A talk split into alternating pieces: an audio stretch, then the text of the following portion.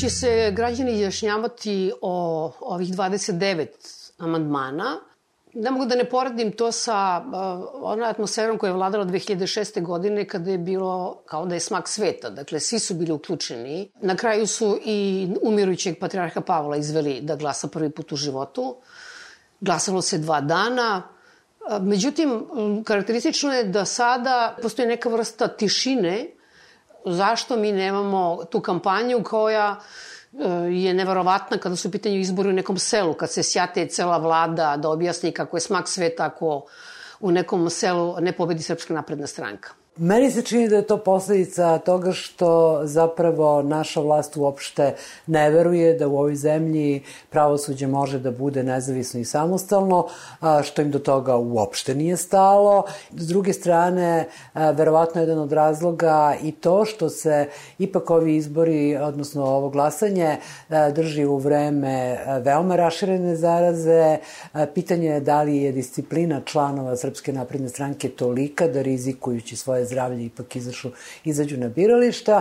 Ponašaju se tako kao da im je sve jedno, hoće li uspeti da se prihvati akt o promeni ustava ili neće uspeti, jer tu je važna samo jedna ličnost, a ta ličnost je predsednik Republike i on uvek može da kaže, eto, pustio sam građane da se samostalno opredeljuju, u ostalom to nije moj predlog, to je predlog koji potiče od vlade i skupštine i pitajte njih o čemu se radi. Dakle, sve zajedno kada se pogleda, to pokazuje je mesto uh, u koje sudovi i javna tužilaštva u zemlji imaju i to pokazuje da sudske vlasti definitivno nema. Ja se slažem, možda bi samo tome dodala da mi se čini da e, za razliku od 2006. godine gde je Kosovo bilo to pitanje oko koga su se građani izjašnjavali e, ili im je bar bilo predstavljeno da se oko toga pretežno izjašnjavaju, sada to pitanje položaja vlasti, pa bilo to makar i tužilaštvo i sudstvo, ne može na isti način da potpali taj nacionalni sentiment na koji je to 2006. bilo i mislim da, da vlast to zna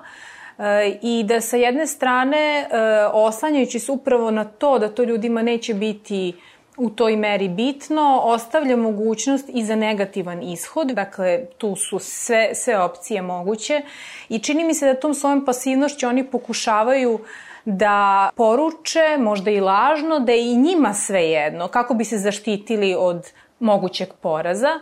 Dakle, to bi, to bi bio jedan e, mogući razlog, a drugi mogući razlog i verovatno i značajniji je što su izbori vrlo blizu, što su talasanje i nezadovoljstvo u društvu prilično narasla i čini mi se da SNS ne može da rizikuje da svoju mašineriju koju će sigurno upaliti u aprilu, jer se tu radi o sudbini predsednika Republike koji je i sam izvor, sebi najvažniji, vlasti, da. tako je, on je i sam sebi najvažniji, to je stranci je najvažniji, dakle njihovo, njihovo je biti ili ne biti u aprilu i čini mi se da oni ne žele da rizikuju da svoju mašineriju pale izvlačeći ljude sada na referendum u, u januaru.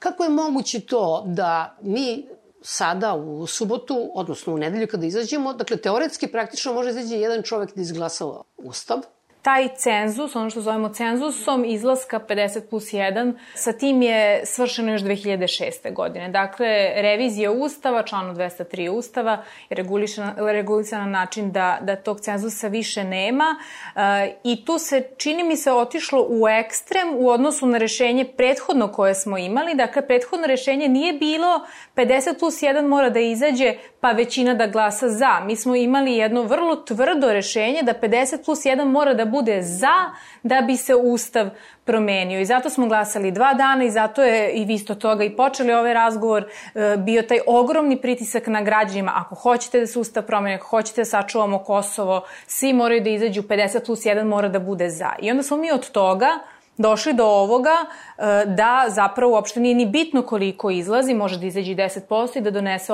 jednu takvu važnu odluku e, kao što je promena e, odredaba o uređenju vlasti u, Ustavu. Nekakvo srednje rešenje, po mom vrlo skromnom mišljenju, bi bilo između ta dva, a to je da je potrebno da izađe 50% plus 1, dakle makar polovina, a da većina odluči. Dakle, mi smo od jednog ekstrema otišli sada u potpuno drugi, tako da je to zapravo jedan vrlo labav režim i građani sa pravom mogu protiv njega da se bune, ali je trebalo da se bune 2006. A i tada nije bilo javne rasprave, tako da na sve to vraća u stvari na netransparentnost ovaj, procesa promena ustava koji mi baštinimo sad već.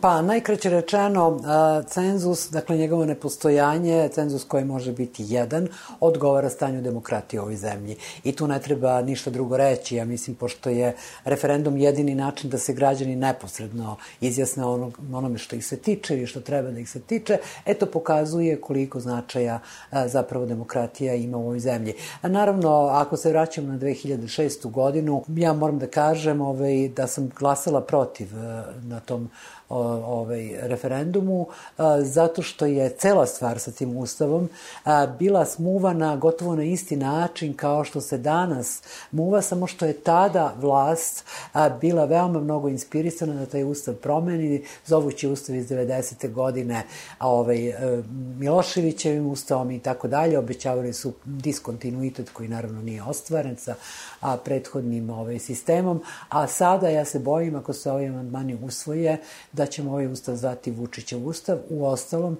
ovaj, na pijaci ga već tako zovu. Sinoć u e, debati e, reč na reč na RTS-u e, poslanik SNS-a, gospodin Dabić, izvesni gospodin Dabić, je rekao da su svi oni koji su protiv ustava odnosno ovog ponuđenog akta o promeni Ustava, protiv njega i samo jednog razloga, zato što ga predlaže predsjednik Republike. Ja mislim, ja sam sinoć to prvi put saznala, ja sam zaista mislila da je vlada ponudila Skupštini ovaj predlog, da je Skupština uh, usvojila akt, da je raspisala referendum, tako da evo samo u prilogu ovome što je, što je rekla profesorka Vodinelić, da ako ono bio Miloševićev uh, ustav, ovo će sigurno biti Vučićev, jer uh, će biti nametnut evidentno od strane njega lično i njegove vladajuće. Da, to međutim je fluidna ovaj, e, ocena, zato što ako ne uspeo ovaj referendum, vidjet ćete Vučić reći šta ja imam s tim. Ja nemam s tim ništa, to je akt, da vlada je pokrenula postupak, Skupština je napravila predlog, Skupština usvojila predlog, ni luk jao, ni luk miris. Zašto smatrate, ako smatrate, da je to da je ovo loš trenutak? Znači, mimo samog sadržaja amandmana ustavnih. Pre svega radi se o Skupštini koja je, ako ne jednostranačka u formalnom smislu, onda totalno jednoumna. Dakle, o Skupštini koja se uopšte ne bavi svojom nadležnošću. Znate, čak i kada su usvajan akt o promeni Ustava koji se odnosi, dakle, na sudove, sudije, tužilaštva, javne tužioce, nisu mogli zaduženi poslanici da se uopšte uzdrže od tračarenja a, pojedinaca koji vrše sudsku vlast u ovoj zemlji. Sad, znate, oni kao treba da unaprede a, ne nezavisnost i samostalnost sudija koriste možda poslednji trenutak da Skupština kao panel može o njima da razgovara, da bi razgovarali. Naravno, oni će koristiti svaku drugu tačku dnevnog reda da bi se ovaj takvim pitanjima bavili. A, prema tome, sprovoditi ustavni referendum koji treba da unapredi nezavisnost sudova javnih tužilaštava u potpuno nedemokratičnoj atmosferi, ne samo suštinski, nego i formalno, od strane jedne, zapravo jednostranačke skupštine, pa to je pravi absurd. Mislim, mi se tu igramo, zabavljamo se sa referendumom i demokratijom uopšte.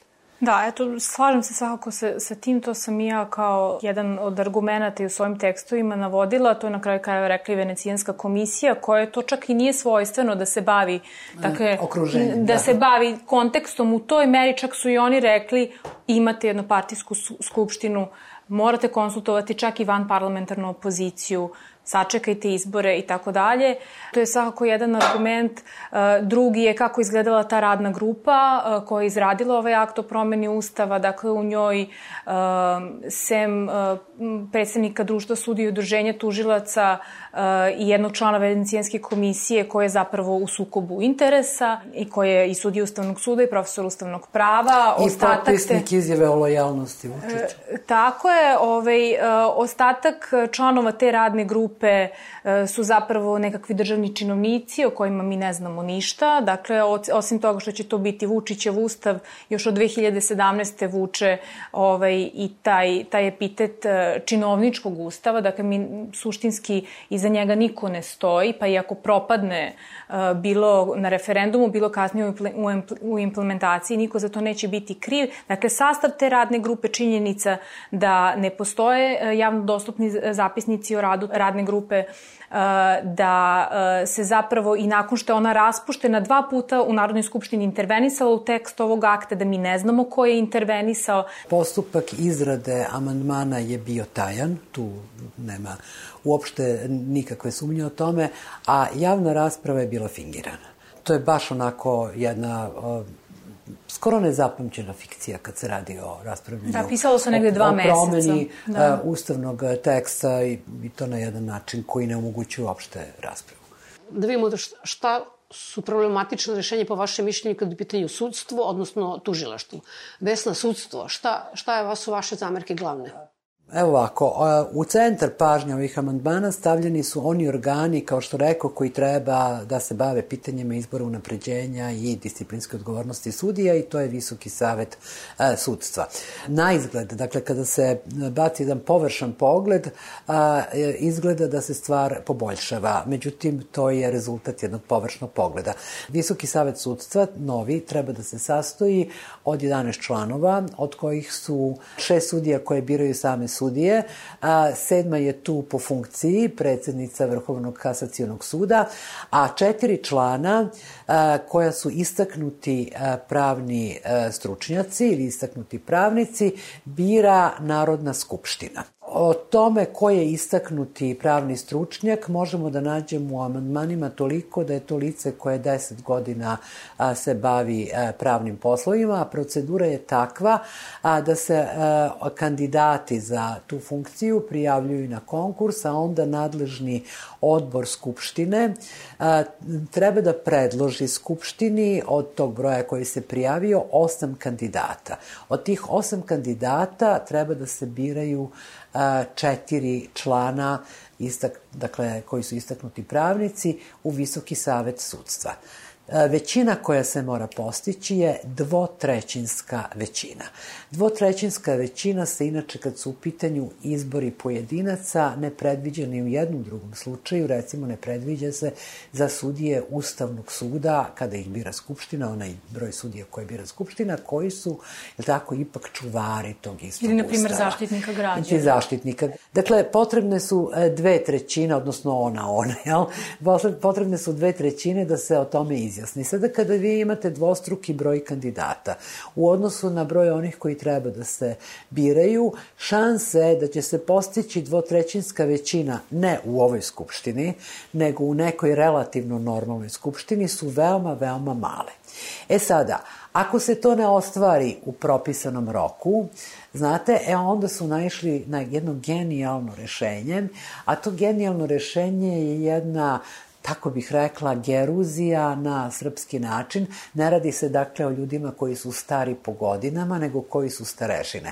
Ako se dakle e, ne izvrši izbor ta četiri člana u ovaj određenom roku, onda o tome treba da odlučuje jedna grupa ljudi koja se sastoji od predsednika Narodne skupštine, od predsednice Vrhovnog kasacijonog suda, predsednice takođe Ustavnog suda, zaštitnika građana. Dakle, pet ljudi će sada da a, doći na mesto jedne skupštine koja ima šansi da posle narodnih izbora, narodnih izbora ipak bude više stranačka skupština. Dakle, tvrdnja da Narodna skupština, pa prema tome ni neka politika, neće učestvovati u formiranju tih tela koje biraju sudije, jer tako je jedna prazna tvrdnja, e, zato što će učestvovati ljudi koji stoje na čelu određenih političkih interesa. Ja tu uopšte ne izuzimam ni predsednike predsednike ovih sudova koji su članovi po samoj sili ustava a, toga tela.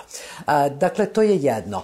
A, možda bi se moglo pomisliti da ipak sudije koje biraju sudije imaju većinu. Da, one imaju brojčanu većinu, ali je e, u ustav, predlogu ustava do poslednjeg dana, malte ne, ja mislim da je to bio poslednji dan, a, stajalo da se u Visokom savetu sudstva mora postići većina od osam glasova, dakle kvalifikovana većina, da bi određena odluka bila doneta. I danas sam čula od koleginice ovaj, da je gledala jednu emisiju, možda bi bilo bolje da ona to kasnije posle sama ispriča, iz koje proističe da zapravo postoje jedna podla namera da ako se usvoje ovi ovaj amandmani ovako kako glase sada, da se onda na mala vrata drugim načinom uvede ipak kvalifikovana većina, koja će onda garantovati a, da će glasovi a, ta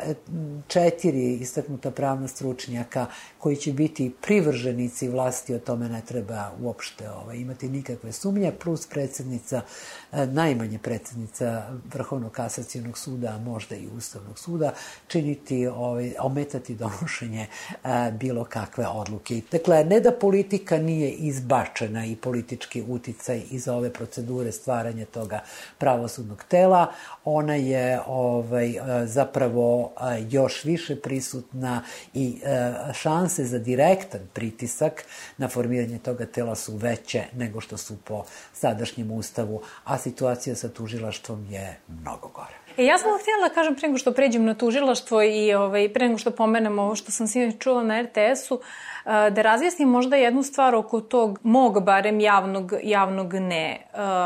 Ja zaista mislim da ljudi treba da donesu odluku samostalno i da ovoj zemlji uh, ne fali ni pritiska, ni ucene, ni e, manipulacije, fali slobode i da ljudi zaista treba da glasaju slobodno u nedelju. Ali sam se odlučila da ne pišemo o ovoj temi uh, sad u ovoj fin, finalnoj fazi na taj način, evo ja vama nudim argumente pa vi vidite šta će nego da direktno kažem ja ću glasati ne.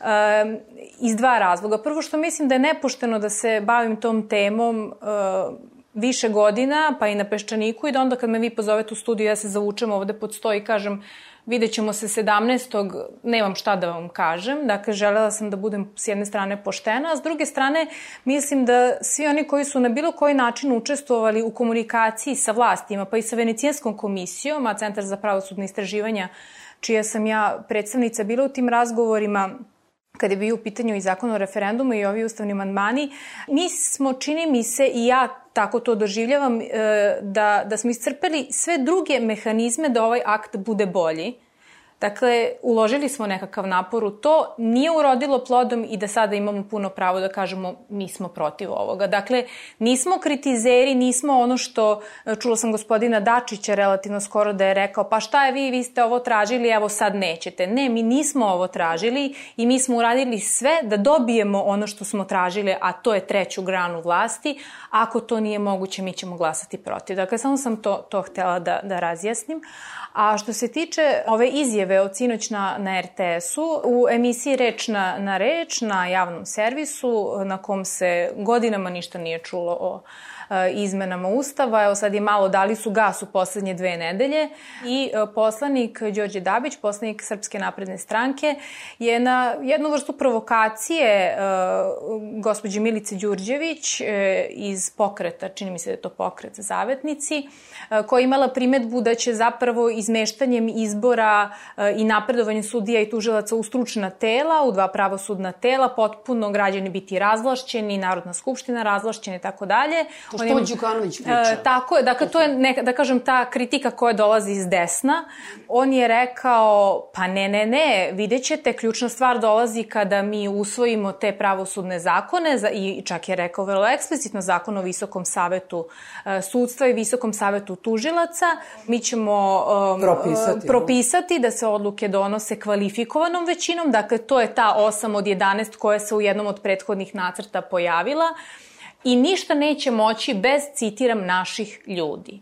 Dakle, ti ljudi koji budu izabrani u Narodnoj skupštini, njih četvoro u slučaju Visokog saveta sudstva, će imati, da to pojednostavimo, pravo veta pri donošenju svih odluka. Izbor sudija, razrešenje, napredovanje, disciplinska odgovornost, sva statusna pitanja.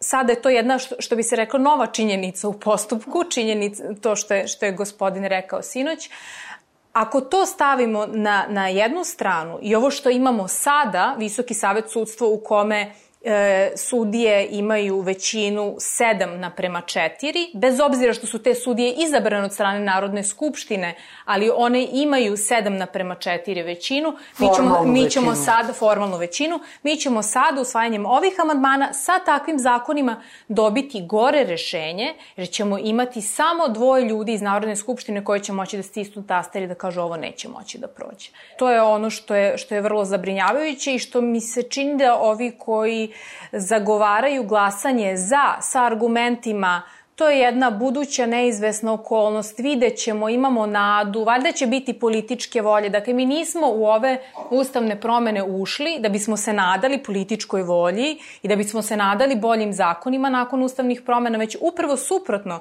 da bismo bolje i čvršće garancije nezavisnosti sudstva i samostalnosti tužilaštva imali u Ustavu. A, i, S tim što bih ja dodala, to nije nikakva buduća neza, ovaj neizvesna okolnost. Sad više Ako nije. ostane vlast, ova kakva jeste, jeste, dakle, na ovaj ili onaj način, potpuno je jasno da će učiniti kao i do sada sve da zloupotrebi pravni poredak. Apsolutno sve. Meni je bilo upućeno pitanje koje se tiče tužilaštva. To je jedan od osnovnih razloga zbog kojih ću ja glasati protiv. To je dakle, još gore čini mi se nego ovo sa sudstvom. Tako je, mislim, mislim da je zaista e, u čitavom ovom postupku jako važno uraditi jednu stvar. Razvojiti emocije i vrednostne sudove od činjenica. Činjenica je da će u e, predloženom Visokom savetu tužilaštva biti jedan izborni tužilac manje nego što je prema sada važećem ustavu. Činjenica je da će visoki tužilac, današnji republički javni tužilac, i dalje biti e, biran u Narodnoj skupštini, e, do duše... Ja ću da prevodim, to je Zagorka Dolovac. To je Zagorka Dolovac, da, da, tako je. I dalje imamo strogu hijerarhiju u tužilaštvu gde viši tužilac može nižem tužilacu naložiti kako da postupa u konkretnom predmetu, dakle to piše u ovom aktu, šta god druge, dakle to je činjenica. Ja kad čujem da neko kaže, pa znate šta, to je sada bolje, pa mi ukidamo monokratiju, samo neka ljudi uzmu i pročitaju tekst, mislim da apsolutno nema nikakve dileme. Monokratski princip dakle, je ojačan u odnosu na... To je, čak imamo i to takozvano obavezno uputstvo koje je sada postalo potpuno, potpuno iz meni nepoznatih razloga ustavna kategorija. kategorija. Dakle, ono je do sada bilo u zakonu, sada, sada ćemo ga imati u ustavu ukoliko ovaj akt A to, a to koliko sam razumela, obavezno uputstvo najčešće je bilo verbalno. Tako je. Sada, sada prema ovim rešenjima bi moralo da bude u pisanom obliku, um, ali da vam kažem, to ne menja mnogo na stvari. Mislim, naprosto viši tužilac uh, od vrha ka dnu može da uh, može da kaže kako da postupate u konkretnom predmetu i vama su tu, vama su tu ruke vezane. Uputstva dakle, su zaštićene uvek službenom tajnom. Sa treće strane, dakle, imamo to gde se bira vrhovni tužilac, imamo uh, manji broj izbornih tužilaca u, u, u državnom veću tužilaca ili tom novom, kako bi se zao Visokom savetu tužilaca, gde uh, takođe ima 11 članova i gde će od tih 11 članova, za razliku, dakle, gore je situacija nego u Visokom savetu sudstva, od tih 11 članova, šest će biti direktno direktno e, izabrani od strane, nominovani i izabrani od strane zakonodavne i izvršne vlasti. Dakle, to su četiri istaknuta pravnika, kao i u Visokom savetu sudstva, to je ministar pravosuđa, to je peti, i šesta osoba izabrana od strane Narodne skupštine bi bio taj republički tužilac ili visoki, visoki tužilac. Dakle. Uh, dakle, mi izme, dakle, Zagorka Dolovac. Dakle, mi izmeštamo uh, izbor zamenika javnih tužilaca javnih tužilaca iz Narodne skupštine u telo u kome zakonodavna izvršna vlast imaju većinu. Dakle, to je činjenica i tu činjenicu niko ne može da ospori. Sve drugo su maštarije, zakon to neće moći da izmeni. Dobronamerno tumačenje. Tako je. I tu je važno uh, reći i još jednu stvar, mislim da ćemo se možda, ako, ako budemo imali uh, prilike, pozabaviti malo i tim uh, ustavnim zakonom za sprovođenje uh, ustava koji je jako, jako važan, a koji zapravo omogućava Zagorki Dolovac da e, mandat na koji je letos izabrana dovrši do kraja, dakle još e, zapravo negde oko pet godina, i da ima pravo da se kandiduje još jednom. Jer u amandmanima kaže republički tužilac ne može biti biran dva puta na istu funkciju, sem kada je to Zagorka Dolovac, zato što su prelazne rešenja naštimova na, na taj način. Tako da kada uzmete čitav taj paket zajedno, ja ne mogu da čitam ovaj tekst i da bilo koga lažem i kažem da, mi ćemo imati samostalnije tužilaštvo. Nećemo, imaćemo ili isto ili gore, i ne mogu da se otmem jednom utisku koji me opseda poslednjih dana. Moram priznam da to nije bilo od početka tako,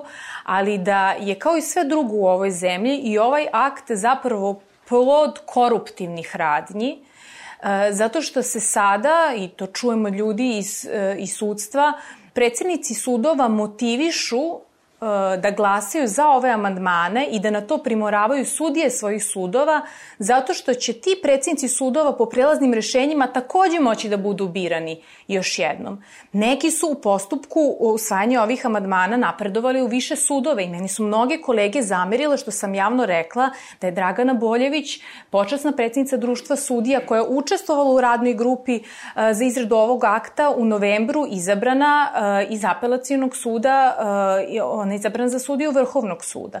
Dakle, ja uopšte ne ulazim u to da li gospođa Boljević to zaslužuje ili ne. Mogu i da verujem da zaslužuje, mogu iskreno da verujem da to zaslužuje. Ali kako se to desilo baš u ovom trenutku, a nije se desilo toliko puta ranije kada se ona za to mesto kandidovala. Ja sam lično dobila poziv negde u maju, nije bitno sada ni, ni od koga, Pitala me jedna osoba, da li si zainteresovan da budeš nesudijski član Visokog saveta sudstva? Ja sam rekla da ja sigurno neću se prema ovom aktu određivati prema tome gde ću ja biti nakon njegovog usvajanja. Što hoću da vam kažem? Čini mi se da, se, da je trgovina, da je korupcija, da je podmićivanje uh, službama, nameštenjima uh, ono uh, što nažalost, veliku većinu ljudi u ovom trenutku opredeljuje da javno zagovaraju uh, za ili protiv. Ne veliku većinu ljudi, nego nažalost, i to moramo reći, veliku većinu ljudi iz naše profesije. Tako je. A, tako sem je. toga, određene odredbe a, ove su a, potencijalno koruptivne. Kada vi imate tako mala tela koja treba da odlučuju o a, takozvanim istaknutim pravnicima, na to će se svesti. Yes. Neće biti pravilo da bira Skupština, nego će to biti biti izuzetak jer se dvotrećinska većina redovno, bar ne o svima, neće moći postići. I onda spadamo na tu grupicu od pet ljudi. A predvideti tako nešto ustavom a, znači, dakle, unapred neizvesnu korupciju učiniti mogućom. Ne mislim tu uopšte na finansijsku, na novčanu korupciju, nego na korumpiranje na harijarnu, raznim da. ponudama kakve ta to jeste. A, prema tome, hoću da, hoću da kažem da, da nema nikakve potrebe da se to tako glupo rade. Mogle su se u Ustavu naći odredbe kojima bi se možda na neki duži način omogućilo delimično postizanje istog cilja, ali ovo je prosto nešto kao što je crvena krpa za, ovaj, za bika i, i prosto bode oči. Bilo kome ko se imalo razume u, u pravosuđe i koje zna kako pravosuđe funkcioniše, sad nas dve smo se nekako tu ovaj, našle s tim što ja znam naravno zbog svojih godina i kako je to bilo nekada i nekako mi se čini kada pogledam a, ceo taj period a, nekog mog radnog veka koji ima gotovo 50 godina, da stvari se neprestano, ali neprestano, neprestano pogoršavaju.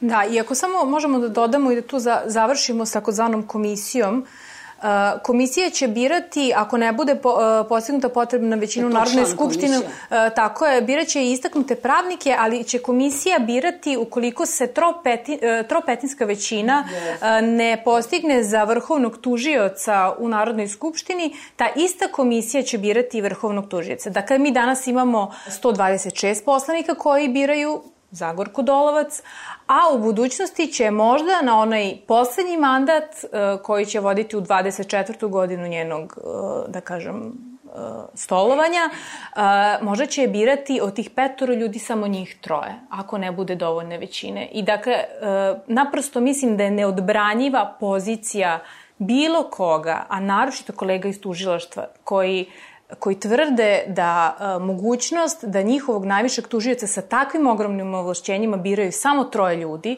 Ja bih se vratila na ono što u ovim amandmanima nedostaje i što mene veoma mnogo brine i što bi moralo da zabrine e, sudije pre svega. U ovom sada važećem ustavu e, propisano je ono što se zove, ja ne volim tu reč, ali ajde najkraće da kažem, a možda ljudi znaju onda o čemu se radi, mreža sudova. Dakle, koji sudovi, jel tako, postoje u e, Republici Srbiji toga više nema. Ovakva ustavno ćutanje zapravo, ako se usvoje amandmani, onda Ustav neće imati ni jednu reč u tome, omogućava, ili tako, da se zakonom uvedu ili vrate ili reinkarniraju neki sudovi koje smo mi već imali, recimo sud udruženog rada koji bi se zvao sud za radne sporove, što možda čak i ne bi bilo tako loše, ali moguće je vraćanje i vojnih sudova, je tako? Sa, da, ove, da, problem je što ne znamo. Da, ne, jednostavno ništa o tome ne znamo, moguće je, vrlo često su bili tako u talasima su se pojavljivali ti a, napadi na ukidanje privrednog sudstva. Ja moram da kažem da je ovaj pokojna Elisaveta Vasilić, koja naravno ima dugi, imala dugi staže, vrlo onako se srčano borila protiv a, onako rađanja same ideje da se, da se ukidaju privredni sudovi. Otkud znamo, mogu da se ukinu privredni sudovi, na primer, da se osnovi neki drugi sudovi. Tako da ne verujem da posle svega a, sudije koji su nekako preko tih svojih organizacija izrazile zadovoljstvo ipak ovim tekstom, da oni uopšte imaju razloga da budu mirni. Ali ja ostavljam po strani sudije, znate, navodno pravosuđe treba da služi građanima i za ovo navodno treba da budu pre svega zainteresovani građani, vidimo da tu neki veliki interes javnosti nije pobuđen, Osnovna odgovornost za to pada na ovu vlast ubeđena sam, uverena sam da je od e, Vučića poteklo to e, da se amandmani njihova sadržina i uključenje javnosti drže na veoma niskom nivou. Ništa nije učinjeno da se građani zainteresuju e, za celo ovo pitanje. I sada smo dobili, ne znam da li ste vi dobili u poštansko sanduče, to je jedan kao tako letak i u tom letku, znate, čak ima i tu nekih ovaj, grešaka, ne samo terminoloških, nego recimo kaže se da je predsednik Vrhovnog kasacijonog suda predstavnik sudske vlasti, što do sad smo živali verovatno u pogrešnom uverenju da je to ipak visoki savjet sudstva, ali ajde, vidjet ćemo sad šta se htelo tim papirom reći. Dakle, on ne odražava sadržinu amandmana na koje se odnosi, više kao neka reklama za nekog dobrog vodoinstalatera, tako recimo izgleda i to je na neki način ponižavajuće. Sa potpunim uverenjem i čistom savešću glasaću protiv usvajanja ustavnih amandmana a, zbog mnogih stvari, a ono što meni najviše smeta u celoj toj priči jeste jedno licemerstvo koje je obuhvatilo, moram reći, i mnoge a, važne ljude i ljude sa dobrom karijerom a, u pravosuđu a, koji su svesni ili bi morali biti konsek svesni konsekvencije ovog rešenja i koji ga uprkos svemu tome reklamiraju neosnovano verujući da je to nekakav e, korak ka poboljšanju njihove sobstvene uloge. To jeste korak, ali to nije korak u napred. To je jedan veoma opasan korak, korak koji se čini po ovom ledu koji danas ovde vlada. Dakle, ne znate gde ćete završiti, da li korakom napred ili, ćete, ili će najteži deo vašeg tela se naći na tom ledu. Dakle, zašto ovo nije e, pravničko trla baba lande prođe dan, već godinama? Dakle, u ovoj zemlji, mislim da to treba reći, pravo na pravično suđenje e, koje uključuje pravo da e, nezavisan sud javno, u razumnom roku raspravi vašim pravima, obavezama, optužbama koje vam se stavljaju na teret. Pravo na pravično suđenje je prema uh, podacima Ustavnog suda u poslednjih 10 godina, ja sam, ja sam radila ovaj, jednu analizu koja se tiče baš uh, poslednjih 10 godina, uh, prvo na listi onih koji su uh, po, najviše povređeni. I Iza toga, za e, a, a, da, da, dakle, kod, kod Ustavnog suda imamo prvo pravo na pravično suđenje, zatim iza toga ide e, pravo na imovinu. Kod Evropskog suda, od trenutka kada smo mi ratifikovali konvenciju, do dana današnjeg, dakle, zaključno sa 2020. godinom, 80% slučajeva u kojima je Srbija oglašena, odnosno je rečeno da je Srbija ovaj, prekršila član 6 konvencije, u 80% slučajeva se radilo upravo o povredi člana 6, odnosno prava na pravično suđenje. Dakle, To je razlog zbog čega je nama ovo potrebno. Nije ovo nama potrebno ni zbog Vučića, ni zbog sudija, ni zbog tužilaca, ni zato što mi danas nemamo Vesna i ja druga posla, nego da ovde sa vama sedimo i pričamo o tome, nego je ovo zemlja sistematskog kršenja prava, a povrh svega kada vam krše druga prava, a vi dođete pred sud, onda vam povrede i pravo na pravično suđenje. Znači, to je okosnica čitave, čitave ove priče. A da bi sud bio nezavisan, Dakle, ne radi se samo o ovom, uh, Visoki savjet sudstva ima ovoliko članova i, i takvih članova, državno veće ovoliko i ovakvih. Što kaže Dačić, njega sam isto juče slušala, on kaže to su vam neke, kaže, sitnice, nije vam to mnogo bitno. Suština je u onome što zapravo nije obuhvaćeno ovim amandmanima, kao što je Vesna rekla. Dakle, uh, Radi se o budžetskoj samostalnosti. Niko nije samostalan pa ni u privatnom životu ako ne raspolaže svojim budžetom. Venecijanska komisija je više puta rekla vi morate regulisati pitanje sudskog i tužilačkog budžeta ustavom. Toga ovde nema. Dalje, vrste sudova, rekla je Vesna, mi imamo sada odredbu koja se briše, nama niko nije objasnio zašto brišemo odredbu o vrstama sudova iz Ustava. I to je nekako zapalo u Ćošzokak, nešto nije se o tome mnogo ni govorilo. Takođe, kriterijumi za izbor sudija, mi pričamo, sada ćemo da izmestimo iz Narodne skupštine u stručna tela izbor, ali je ključno pitanje ko uopšte može da bude izabran. Takođe nam je rečeno, Venecijanska komisija više puta, vama je, možda u nekoj drugoj zemlji to može da bude zakonska materija, ali u zemlji Srbiji sa ovakvim turbulencijama, sa skorašnjim reizborom, e, sa, sa političkim strankama koje u svojim kanđama drže apsolutno svaku poru ovog društva, to ko uopšte može biti sudija, kada već ovo radimo, mora biti u ustavu. Sada je to osoba koja je, naravno, završila pravni fakultet, položila pravosudni ispit, e, koja je stručna, osposobljena i dostane te funkcije. Šta će pisati u zakonu, mi to ne znamo.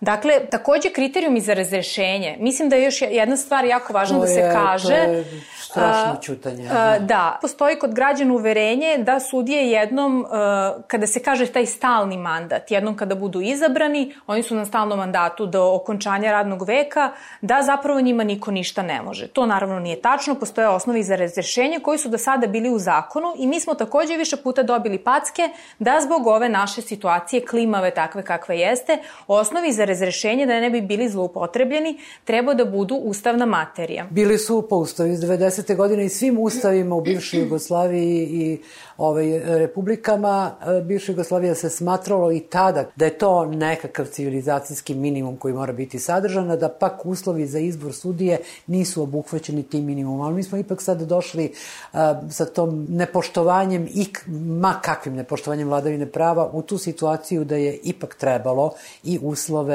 koje mora neko da ispuni da bi bio izabran za sud, jel tako, barem te elementarne uslove staviti u ustave. Sad, uh, uzela sam reč zbog nečega drugog, za građane koji nisu tako blizu primjeni prava, tužilaštva i tako dalje. Mislim da je veliki broj građana bio zainteresovan e, za ovo suđenje koje je bilo organizovano pošto je Novaku Đokoviću bila ukinuta viza.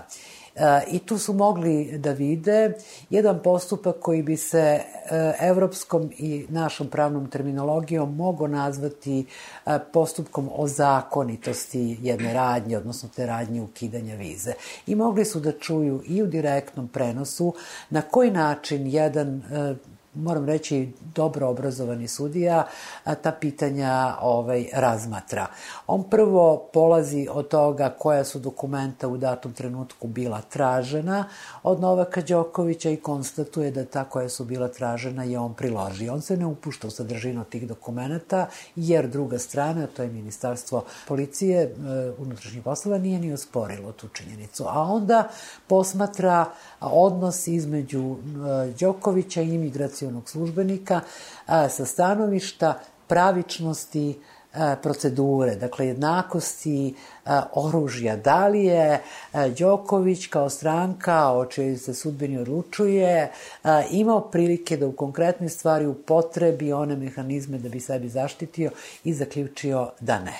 Dakle, i sada u Srbiji vlada veliko divljenje prema tom sudiji. Ali znate, ako se slučaj ponovo otvori, ako se otvori sa činjenične strane, onda bi ishod mogao biti drugačiji. Zaista je za mene bilo impresivno to što smo iz Srbije mogli da gledamo u sve tehničke probleme i tako dalje, mogli smo da gledamo jedno suđenje u stvari koja kod nas bi bila totalno ne, neinteresantna. Ko bi gledao neko uopšte učestvovu u nekom primjer, da. postupku u kome se odlučuje da li neki azilant iz Afganistana treba da ide u Bogoveđu ili, ili da bude deportovan.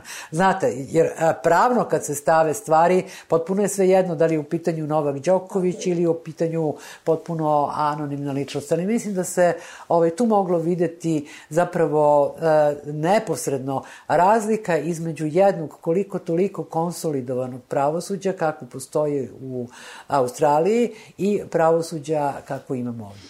Sada, pošto je bilo relativno malo ljudi iz ove takozvane političke elite koje se nešto tu izjašnjavala, onda su postojali ti neki pravnici i stručnjaci koji su zagovarali izlazak na referendum i glasanje za, Mi smo tu mogli da čujemo najviše uh, pomenutu Draganu Boljević, koja je bila simbol društva sudija Srbije, i Milana Antonijevića, istaknutog pravnika, jeli? I sad, ja to samo hoću sad da izigram malo đavoljeg advokata, ali da saberem to što su oni rekli negde otprilike i da čujem prosto vaše mišljenje. Prvo, ta pomenuta venecijanska komisija.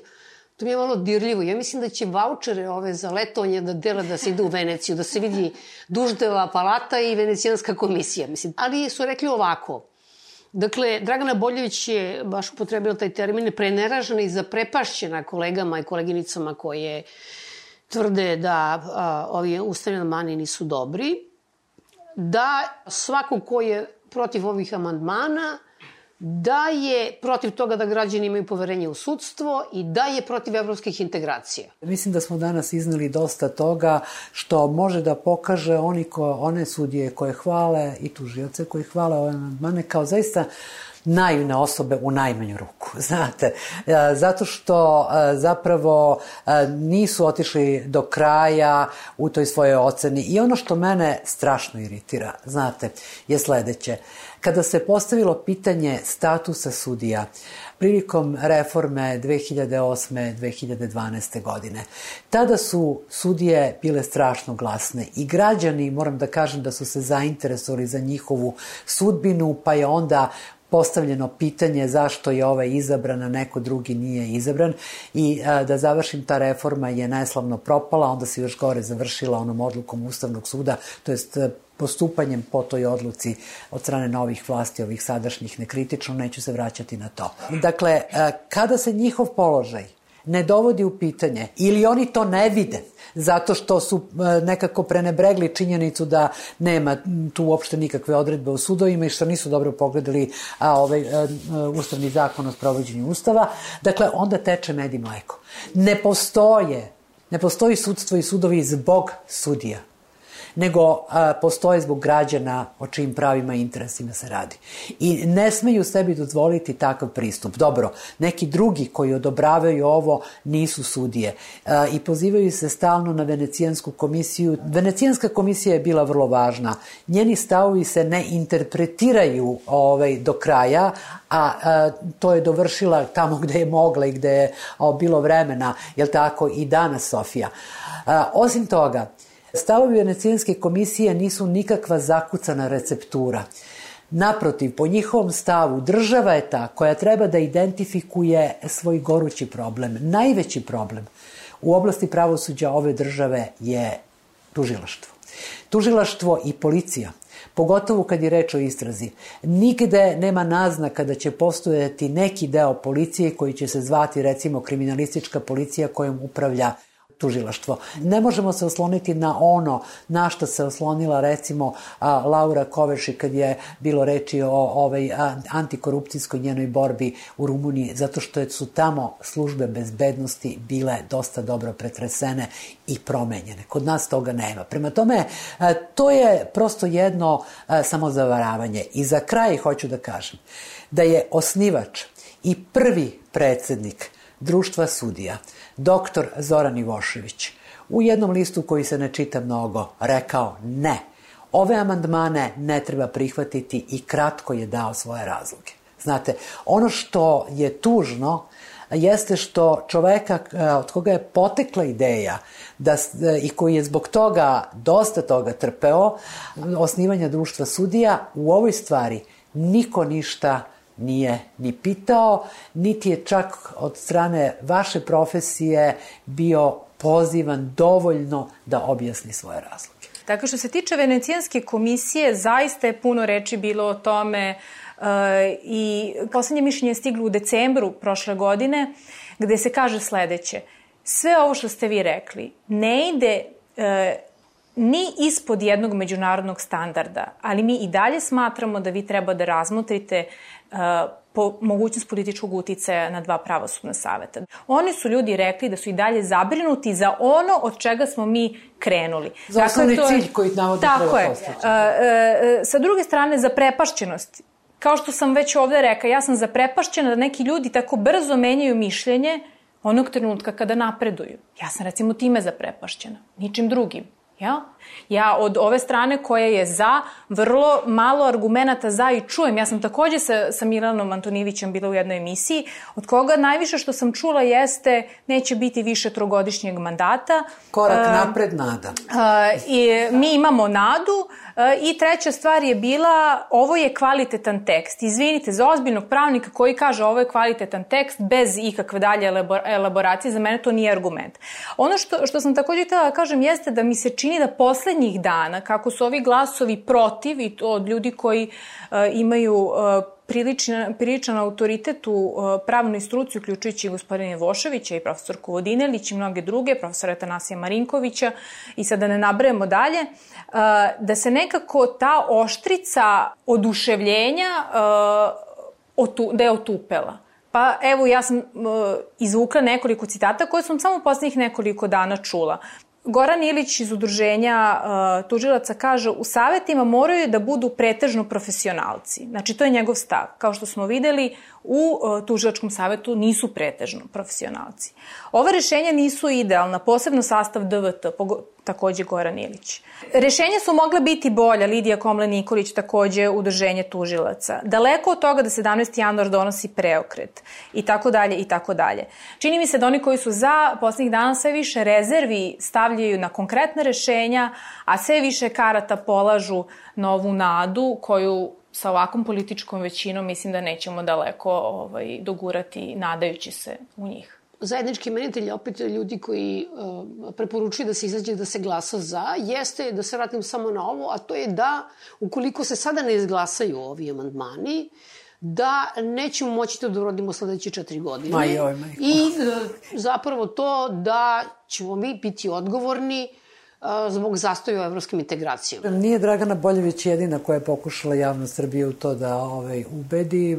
To, takva jedna Tvrdnja se pojavila i u tom utisku nedelje e, i to je naravno potpuno netačno, zato što je Ustav sam odredio koliko dugo ne može jedno pitanje da se stavi na razmatranje, a to je godinu dana. E sada, ako će to nas zaustaviti, ovaj, e, makar i na godinu dana u našim evropskim integracijama, pa treba zaista biti veoma, veoma ovaj, naivan i u to verovati. Jer znate, poglavlja 20 23 i 24 e, uopšte nisu vezana e, samo za e, ustavnu reformu. Poglavlja 23 i 24 involviraju jedan visoki stepen kvaliteta sudske pa i tužilačke zaštite, jer i tužioci vode jedan deo postupka istragu koji ovaj, građani u ovoj zemlji moraju da imaju. Mi smo toliko daleko od toga. I na kraju krajeva ocena percepcije građana o pravosuđu je veoma, veoma niska. Čini mi se da o tome niko nije dovoljno vodio računa kada se su rađeni ovi ustavni amandmani zato što zapravo izvršne organe države baš briga za to, njima je bitno kakva je njihova percepcija, ali ni od naših kolega koji su sedeli po tim e, radnim grupama. Zaprepašćujuće za mene, znate šta još, podsjećanje na 2018. E, godinu i one grozne, groznu verziju amandmana koja je zaista bila užasna u odnosu na ovu, ali nekako kao da se ljudi zadovoljavaju time što smo pre 3-4 godine pogledu sadržine amandmana bili na minus 20, pa onda nekako doglavinjali do nule. I šta, u čemu je onda stvar? Ne vidim, ne vidim uopšte e, radost zbog takvog nekog razvoja stvari. Da, što se tiče tog roka, kao što rekla profesorka, to je potpuna neistina. Ja mislim da zaista nema veće sramote za bilo kog pravnika da se u pravnoj debati služi pogrešnim informisanjem, znači pozivajući se na pravo, pogrešno informisati građane i zastrašivati ih na neki način. I na kraju hoću da kažem da kad se sve drugo razgrne, uh, imajući u vidu našu prošlost i to nedavnu i to ratnu prošlost, ja mislim da mi ne možemo na ovakav uh, pijačno stranački način da menjamo ustav, da mi nekakav novi koncept zajedništva i patriotizma, ako hoćete, moramo da gradimo na vrednostima koje nemaju gde drugde da budu upisane nego u Ustavu, a te vrednosti uključuju i procedure. Pa ako sve to uzmemo zajedno, ako je to ono što nas u budućnosti treba da veže, a ne više da li smo Srbi, da li smo pravoslavci, da li smo ne znam šta, onda to niti ovaj trenutak, niti ovaj tekst. Ako vi postavite princip da nezavisan i samostalan može biti samo onaj koji je heroj, vi definitivno nemate pravosuđe. A ovaj sistem uh, koji se nastoji sada uspostaviti uh, sa tvrdnjom da sudstvo, dakle, kroz svoje organe, kao što je, su Visoki savet sudstva i to je Visoki savet tužilaca, kontroliše samo sebe, prvo nije tačno.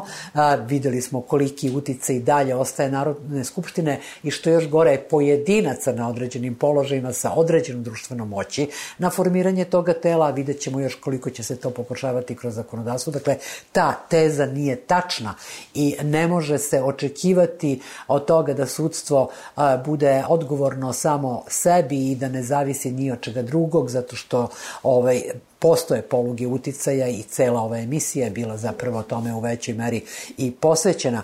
A e, zapravo, ako sudije smatraju da su te poluge uticaja otpale donošenjem ovih amandmana. Pa zar nemaju toliko pravničke opreznosti i mudrosti da sačekaju operacionalizacije ustavnih amandmana kroz zakone?